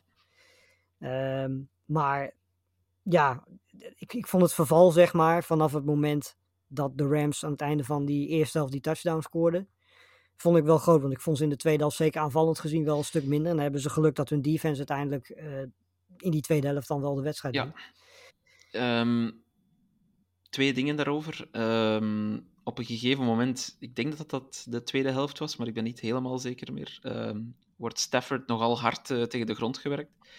Uh, ja. Zijn kop kletst op, ja, tegen, tegen, tegen de grond.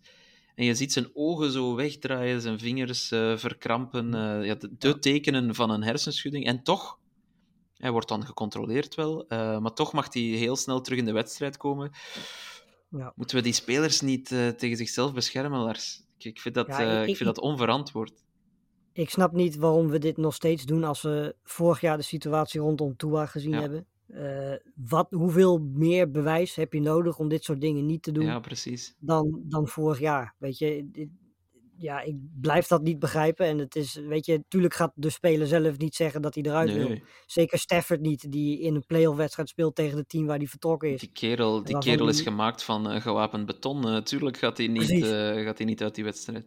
Nee, dus weet je, als, als de tekenen zo overduidelijk zijn, moet dat gewoon vanuit het team komen. Maar daar ligt dan ook meteen het probleem. Dat team wil ook niet dat Stafford eruit gehaald wordt. Want ja, het verschil tussen Stafford en de backup is natuurlijk ook gewoon heel groot. Ja, Dus- en laat ons duidelijk zijn, eh, Stafford stond heel goed te spelen. Ja. Was misschien wel zelfs de betere quarterback in deze wedstrijd, eh, alles bij elkaar genomen. Eh, Heeft wat pech op het einde ook, moet ik zeggen, met een call die, die niet ja, een pass interference, of die naar mijn gevoel een pass interference was. Hij wordt niet gegooid. Ja. Ehm, maar goed, oké. Ik, ik wil het niet te veel over de scheidsrechters hebben, eerlijk gezegd. Dus eh, voilà, bij deze. Ehm, en eh, Stafford die had ook weer de hulp van eh, toch wel een heel speciale rookie, hè, Lars uh, Puka Nakua. Ehm, Ja. Ongelooflijk, man. 181 yards en een touchdown. Wauw, wat kunnen we daar nog over zeggen? Ja, nou ja, weet je, ik bedoel, als je, als je CJ Stroud niet had gehad dit jaar, dan was er eigenlijk in mijn ogen geen discussie wie de rookie van het jaar zou moeten zijn. Aanvallend gezien. We hebben sowieso aanvallend gezien veel goede rookies gehad. klopt. Eh, er lopen er bij, bij de Packers een paar rond. Ja, maar zeker, we hebben ja. natuurlijk ook Sam Laporta bij, bij de Lions. Ook een touchdown gevangen Eh, trouwens. Eh, Precies, dus ja, weet je, er zijn er heel veel om uit te kiezen. Maar wat, wat Nakua qua records en alles aan het doen is dit jaar, dat is, eh, is bizar. En het geeft ook wel aan dat de Rams heel erg goed zijn in het vinden van diamantjes als het gaat om receivers. En die ook vervolgens beter maken. Dat hebben ze met Cooper Cup gedaan. We hebben dit jaar Edwell natuurlijk ook een veel beter seizoen zien hebben dan, eh, dan de afgelopen eh, periode. Dus ja, daar zijn ze gewoon heel goed in. En dat komt natuurlijk deels ook gewoon door het systeem van, eh van McVay. Die ervoor zorgt dat, dat receivers ook gewoon veel ruimte kunnen krijgen. En het zijn ook allemaal goede route runners. En daar kiest hij ook gewoon op uit. En dat is misschien ook wel de reden dat Robinson daar misschien een stukje minder succesvol is geweest dan dat we verwacht hadden. Want dat is ja, natuurlijk een compleet ander type dan alle andere Ja. receivers van de Rams die ze dit jaar en afgelopen jaar gehad hebben. Maar goed, uiteindelijk waren het eh, de Lions die, die overleven en, en die winnen. Eh, het was zo'n wedstrijd, denk ik, Lars. Eh, ja, jij gaat niet akkoord gaan, maar waar het niet echt uitmaakt, denk ik, wie wint. Het twee leuke teams. twee, twee teams waar Ja. de neutrale fan ja, niets, niets tegen in te brengen heeft. Maar het is dan ergens wel eh, misschien poetic justice dat de Lions eh, voor het eerst sinds, even denken, 95 nog eens een... eh, een, of was het 91? Ik ben even de statistiek kwijt. maar voor het eerst sinds heel lang, alleszins, nog eens een playoff-wedstrijd hebben gewonnen. Het was de tweede keer sinds 1957, dat weet ik wel nog. Dus eh, moet je nagaan hoe lang eh, die fanbase al. eh, Ja, je kon het ook wel merken aan de, aan de sfeer Ja, in dat stadion, ja. dat het een tijdje geleden was. Ja. Dus zeker het moment dat, dat Eminem in beeld kwam bijvoorbeeld. nou, be- dan ben ik natuurlijk een hele, hele grote Eminem-fan, dus dat helpt natuurlijk. begonnen ze ook allemaal, begonnen ze ook allemaal Lose Yourself te zingen. Dat was wel heel cool. Het enige wat ik niet Was- geapprecieerd heb, Lars, moet ik toch even vermelden, is dat ze zo hard Stafford hebben uitgejouwd. Dat is niet nodig, man. Dat is echt niet Nee. nodig. Die heeft eh, zoveel gegeven voor je franchise. eh, dat is echt niet nodig. nee, dat ga ik ook nooit begrijpen. Ehm, maar goed. Het is ook niet dat hij naar een eh, rechtstreekse rivaal is gegaan of zo. Ik, ik begrijp het niet. eh. Nee, en het is ook niet dat hij op een slechte manier daar weggegaan is. Nee, ook al. Ook al. Dus eh, we- wees toch ja, eens gewoon blij voor die kerel. eh. Precies. Twee, twee shout-outs nog kort Ja. trouwens. St. Brown 110 receiving yards. Eh, dit jaar ook weer een fantastische stap Zeker. All-pro ook. eh, En, eh, ja, precies. En Aiden Hutchinson was ook weer eh, oh ja. Fantastisch. Negen pressures en twee sacks in deze wedstrijd. Negen pressures is echt een idioot aantal. Ja, er zijn inderdaad. dit weekend, eh, dit weekend teams die daar niet aangekomen zijn. Ja. Dus eh, Cowboys onder andere. ja, Cowboys onder andere inderdaad. Dus eh, nee, dat was voor Hutchinson echt een hele goede, goede wedstrijd. En sowieso een heel goed seizoen. Nice, nice. Absoluut, hè, absoluut. Genoeg rode lines. ja. ja, ik merkte het al, je werd wat boos. eh, je werd wat boos. Ehm, twee ja, trouwens, misschien wil ik dat wel nog even zeggen, maar dus de NFC East, hè, toch een goede divisie dit jaar, met twee Super Bowl contenders. Beide Ja. teams eruit. NFC North, beide teams in de divisional round. Eh, Ja, mooi hoe, dat, hoe, eh. kan het, eh, hoe dit- kan het verkeren? Ik denk dat we in de NFC North de komende jaren een hele mooie battle tussen deze twee teams gaan krijgen. Want die gaan de komende jaren nog wel zo goed blijven. Ja, en dan de Bears, eh, die Caleb Williams er wellicht bij krijgen. Eh, ja, wie weet, wie weet. En dan de Vikings. Eh, ja, geen idee wat die gaan doen, maar inderdaad. Alright, eh, gaan we dan naar die uitgestelde wedstrijd, Lars, die gisteren gespeeld werd. Eh, de Steelers op bezoek bij de Bills. Eh, er was nog altijd wel ja, zeer koude temperaturen. Er lag ook nog sneeuw in de tribunes, niet op het veld. Ik had wel de indruk dat het veld keihard lag. Er zijn ook wel wat blessures gevallen, vooral bij de Bills aan de defensieve kant. Dat is iets om in de gaten te houden. Maar uiteindelijk wonnen de Bills wel vrij makkelijk van uh, de Steelers. Ik vond vooral in de eerste ja. helft dat de Steelers ja, echt nergens waren. Nee, nee ik vond uh, zeker Rudolph eigenlijk uh, voor, voor een rendier heel erg matig in de kou. Moet ik heel eerlijk toegeven. Nee, de, de, de Bills waren tot en met eigenlijk ook hier weer, net zoals bij die wedstrijd die we net besproken hebben. Er was eigenlijk tot vlak voor rust niks aan de hand. Bills stonden 21-0 voor. Ja. Steelers konden aanvallend gezien niks doen. Hadden verdedigend gezien geen antwoord op een fantastisch spelende Josh Allen. Ze konden de bal niet vasthouden. Die, precies, ja, dan wordt het een heel lastig verhaal om te winnen. En ja, dan scoor je vlak voor rust toch weer een, een touchdown. Is het 21-7, is het een twee-possession game. En dan zie je toch in de tweede helft dat er dan toch iets verandert. Ook in het, in het hoofd van de, van de Bills. Omdat die dan toch weten, ja, 21-0 de rust ingaan is anders dan 21-7. Mm-hmm. En dat merkte je eigenlijk de hele tweede helft een beetje. De Steelers bleven in de buurt, bleven irritant close voor Bills fans, denk ik. Uh, ze gingen maar niet weg, ook hè, aan het begin van het vierde kwart. Scoren ze een touchdown waardoor het 24-17 24-17 wordt inderdaad. Dus het was een keer een one-possession game. Ja, en dan uiteindelijk beslist Josh Allen natuurlijk met die, met die drive en die bal naar Shakir uh, de wedstrijd. Dan staat 31-17, dan is het afgelopen. Maar het werd spannender dan dat nodig was als je zag hoe, hoe de eerste helft ging. Ja, bijzonder slecht tacklewerk wel uh, bij die touchdown van Shakir. Ja. Ik denk dat hij, ja. ja. wat was dat? Die kan ook zomaar drie verdedigers van zich afgooien. Ah, een mooie touchdown, hè, voor alle duidelijkheid, maar toch, uh, die, die man moet je toch naar de grond kunnen krijgen. Ah, je mag best kritisch zijn. Ja, ja voilà. Um, wat we ook zagen, uh, Lars, het heeft wat discussie uh, veroorzaakt, ook in onze WhatsApp-groep, ja. is die uh, touchdown run van Josh Allen, 52 yards. in real time ja. dacht ik, oh, dit is fantastisch. Dan kwam er wat discussie van, leek het alsof hij een fake slide doet, maar ik heb daarnet een tweet of een beeld van, van Jimmy gezien, waarin uh, het was een soort luchtbeeld, uh, waarin het toch vrij duidelijk is dat het een juke is eerder dan een fake slide en, en gewoon een fantastische play. Gezien, uh, moet ik eerlijk zeggen. Ik zal nu live even bekijken. Ja, het prachtig zit in onze, in onze WhatsApp-groep, Lars. Maar ja, nee, het is vrij duidelijk, vind ik, als ik naar dat beeld ja. kijk. Um, ja, geweldige play.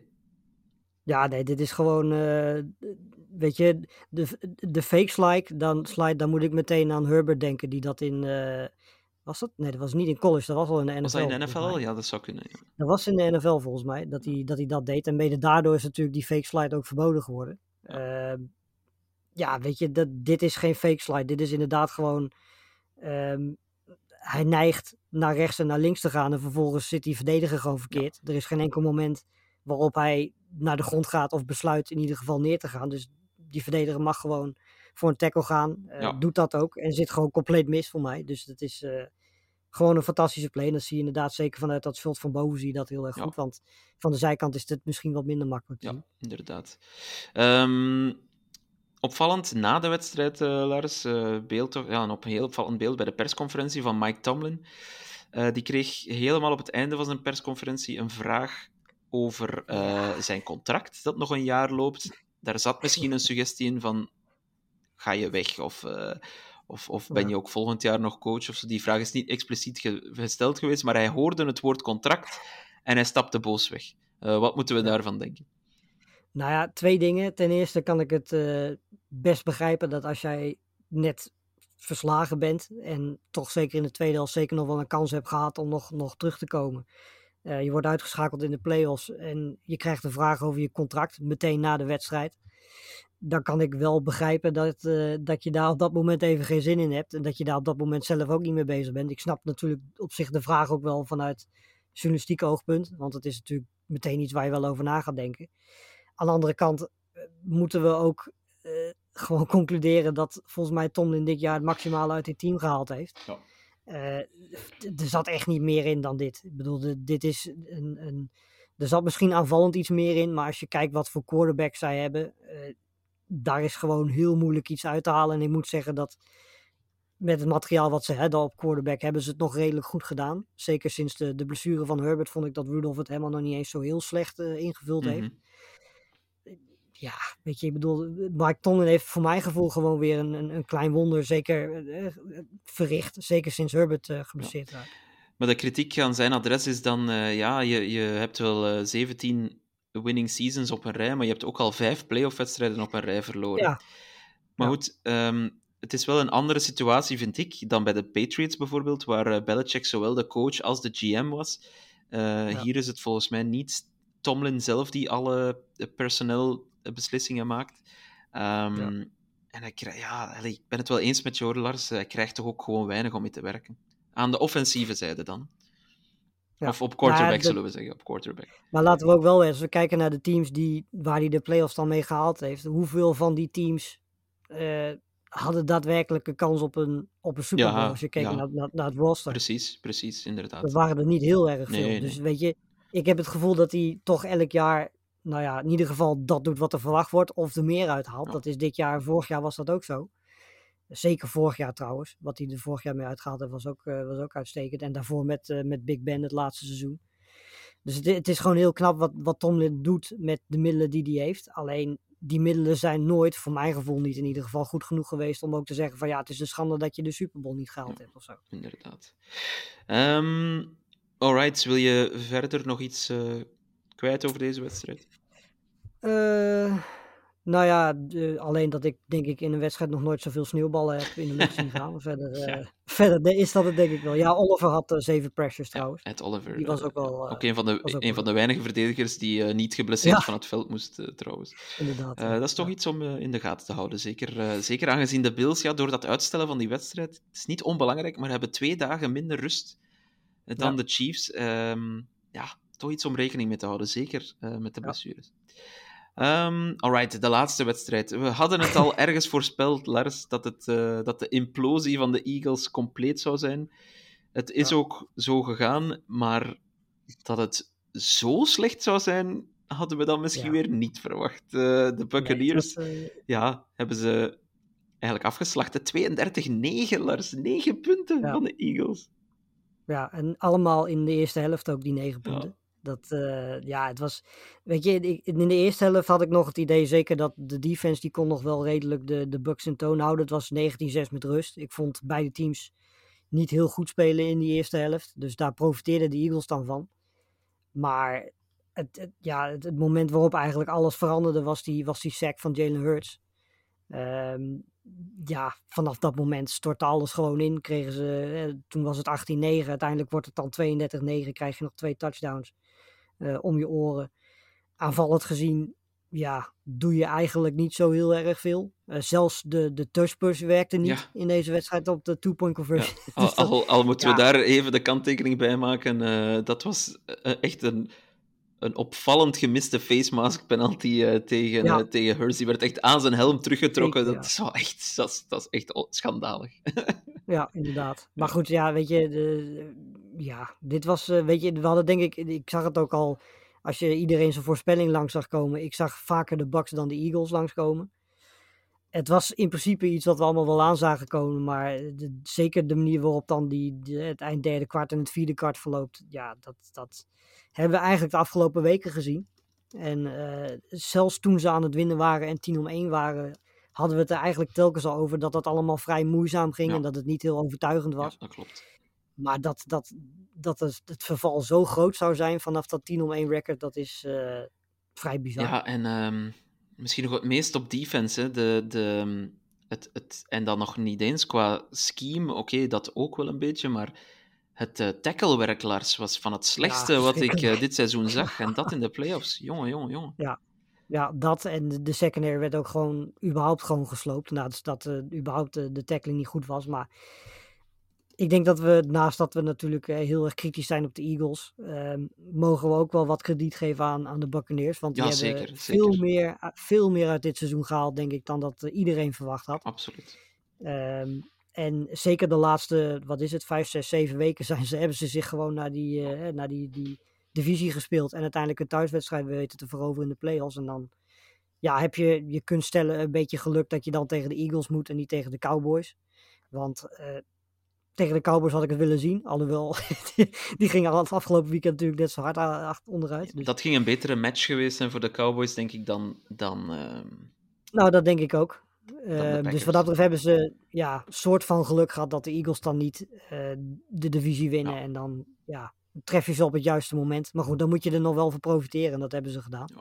Ja, absoluut. Hè. We moeten, uh, laat duidelijk zijn, we moeten uh, bloemetjes toewerpen naar, naar de Buccaneers. Ik denk ook verdedigend waren ze wel, waren ze wel goed. Ze blitsten ja. zodanig veel. Uh, het is natuurlijk wel slecht van de Eagles dat ze zich daar niet aan wilden aanpassen om een of andere reden. Ja. Maar Hurts die stond zodanig veel onder druk. Um, maar ook offensief, ja, Baker Mayfield en dan toch wel de verrassende Kate Otten, Lars, ja, die eigenlijk hun beste receiver was. Um, ja. Baker Mayfield, veel beter dan tegen de Panthers bijvoorbeeld vorige week.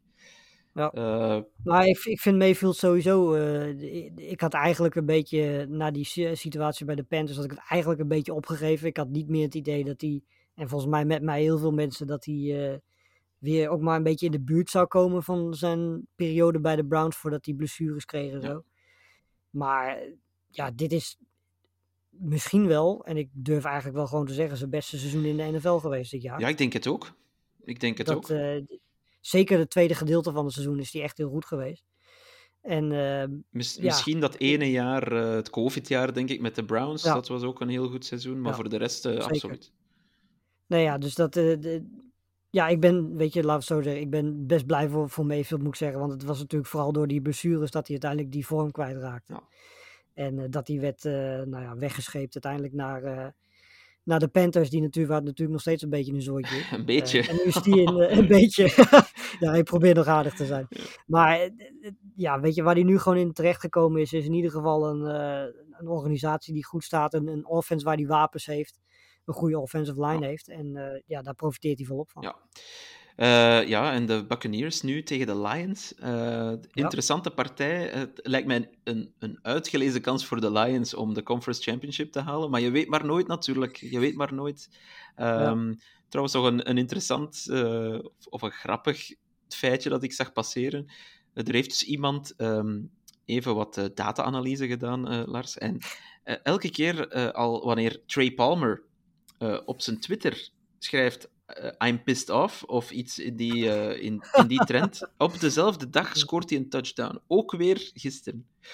Dus eh, wanneer Trey Palmer tweet dat hij pissed off is, eh, dan scoort dan- hij touchdowns. Dus hou zijn eh, Twitter-kanaal in de gaten. Mensen die gokken misschien. eh, ik zou zeggen. Ja, je, zou, je zou bijna zeggen, doe het gewoon elke wedstrijd. ja, ja, maar dan had het misschien niet meer werken.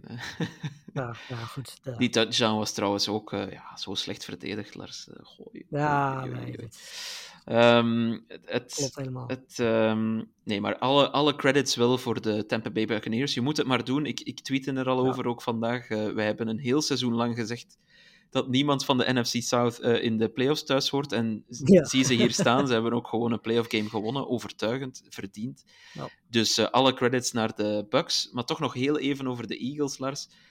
Nick Sirianni, is die positie houdbaar? Als je ziet eh, de totale instorting. Ja, nou, ik las voor die wedstrijd dat ongeacht de uitslag hij zou blijven. Oh, oké. Oké. Dus ja, dat, tenminste dat was het gerucht dan in ieder geval. Hè. Dus dat zou ook betekenen dat zelfs deze uitslag daar geen invloed op zou hebben. Ik Nou. ben heel benieuwd of dat, eh, of dat zo is. ik, ik kan me dat eigenlijk bijna niet voorstellen. Ehm, ja, het, het, het, het- is, het blijft een harde wereld. Ik bedoel, vorig jaar werd hij eh, nog, kreeg hij alle roem nog, werd hij geprezen, was iedereen fan van hem. En nu, eh, ja, kan hij er niet zoveel meer van. Dat is eigenlijk een beetje hoe het, hoe het ervoor staat. Ja, ik ben benieuwd wat ze gaan doen. Of ze zeggen van, ja, weet je, we hebben het vorig jaar gedaan. Laten we hem nog een jaar de kans geven. Of zijn ze zo, ja, nou ja, recency bias is dan misschien niet helemaal het juiste woord. Maar in ieder geval zijn ze zo geschrokken van wat ze het tweede gedeelte van het seizoen gezien hebben. Dat ze zeggen van, eh, dit gaat volgend jaar niet goed Ja, komen. ze zijn natuurlijk hun beide coördinatoren kwijtgespeeld eh, in het tussen- tussenseizoen. En Ja. ja, het stort dan een- toch een beetje in. Een hele goede look voor Nick Sirianni is dat niet natuurlijk. Nee.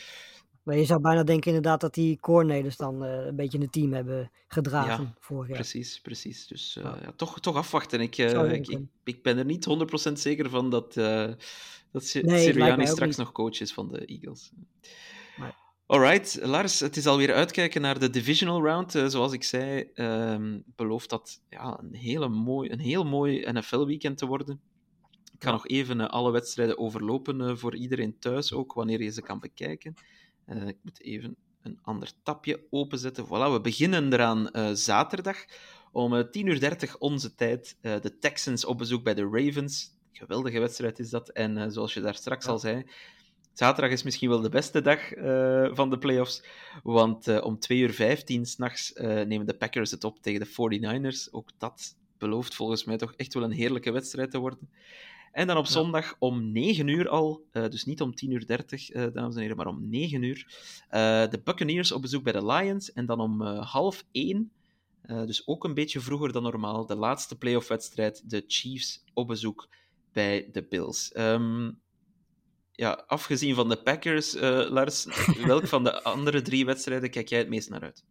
Ja, Texans Ravens. Met, uh, ik, ik, heb, ik, ik tweette het eigenlijk al toen de Texans wonnen. Natuurlijk kon het dan natuurlijk nog allemaal anders worden als andere teams zouden winnen van. Uh, en dan hadden de Ravens tegen iemand anders gemoeten. Maar ja, dit is. De, weet je, sowieso is het leuk om Stroud te zien en die offense te zien. Maar ik denk dat de Ravens ook gewoon het beste team zijn in, in de AFC op dit ja. moment. En dat is voor dit Texas team natuurlijk een hele grote test twee fantastische quarterbacks, twee leuke offenses. Dus dat, uh, en een mooie tijd voor, uh, voor ons. Ja, half elf absoluut. op een zaterdagavond. Ja, dat is ideaal.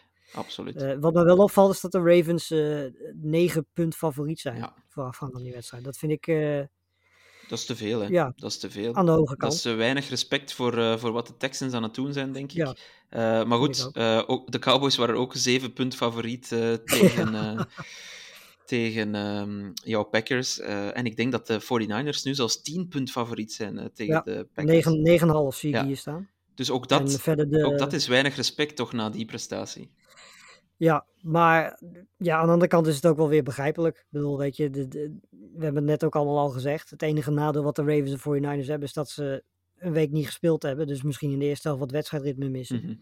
Maar verder, ja, kunnen we denk ik toch gewoon concluderen dat beide teams als je ze gewoon naast elkaar zet, op heel veel plekken gewoon beter zijn dan de tegenstander. En ze spelen thuis. Klopt. Dan kom je, als je gewoon het heel makkelijk bekijkt, kom je wel op om 9, 9,5 uit. Ja. Maar ja, het mag wel minder zijn inderdaad. Overigens de andere spreads, de Lions 6,5 punt favoriet. Dat vind ik dan weer een beetje weinig, eerlijk gezegd. Tegen de Bucks, ja, inderdaad. Ja, ja ik, ik, dat, dat had ik dan eerder richting, richting de, de 8-9 gezien. En de Chiefs uh, Bills is uh, 2,5 punt favoriet. Oef, ja, een coin toss game, dus uh, ja. verwachten ze dat. Oh, dat snap ik wel. Zeg dat, ja. niet, tegen, zeg dat niet tegen Josh Allen, coin toss game. Uh, nee. nee, ik zag daar straks al iets passeren, à la, uh, ja. dat het naar overtime zou gaan, dat de Bills de eerste touchdown zouden scoren. Die regel is veranderd in de playoffs. Uh, dus zouden de Chiefs nog eens ook een touchdown scoren en een two-point conversion om de wedstrijd te winnen. Dat, uh, ja, dat zou, mooi, ja. dat, zou, dat, dat zou een script zijn. Uh, ja, goed, dan moeten we ons misschien echt beginnen afvragen of het, uh, of het allemaal vooraf bepaald is.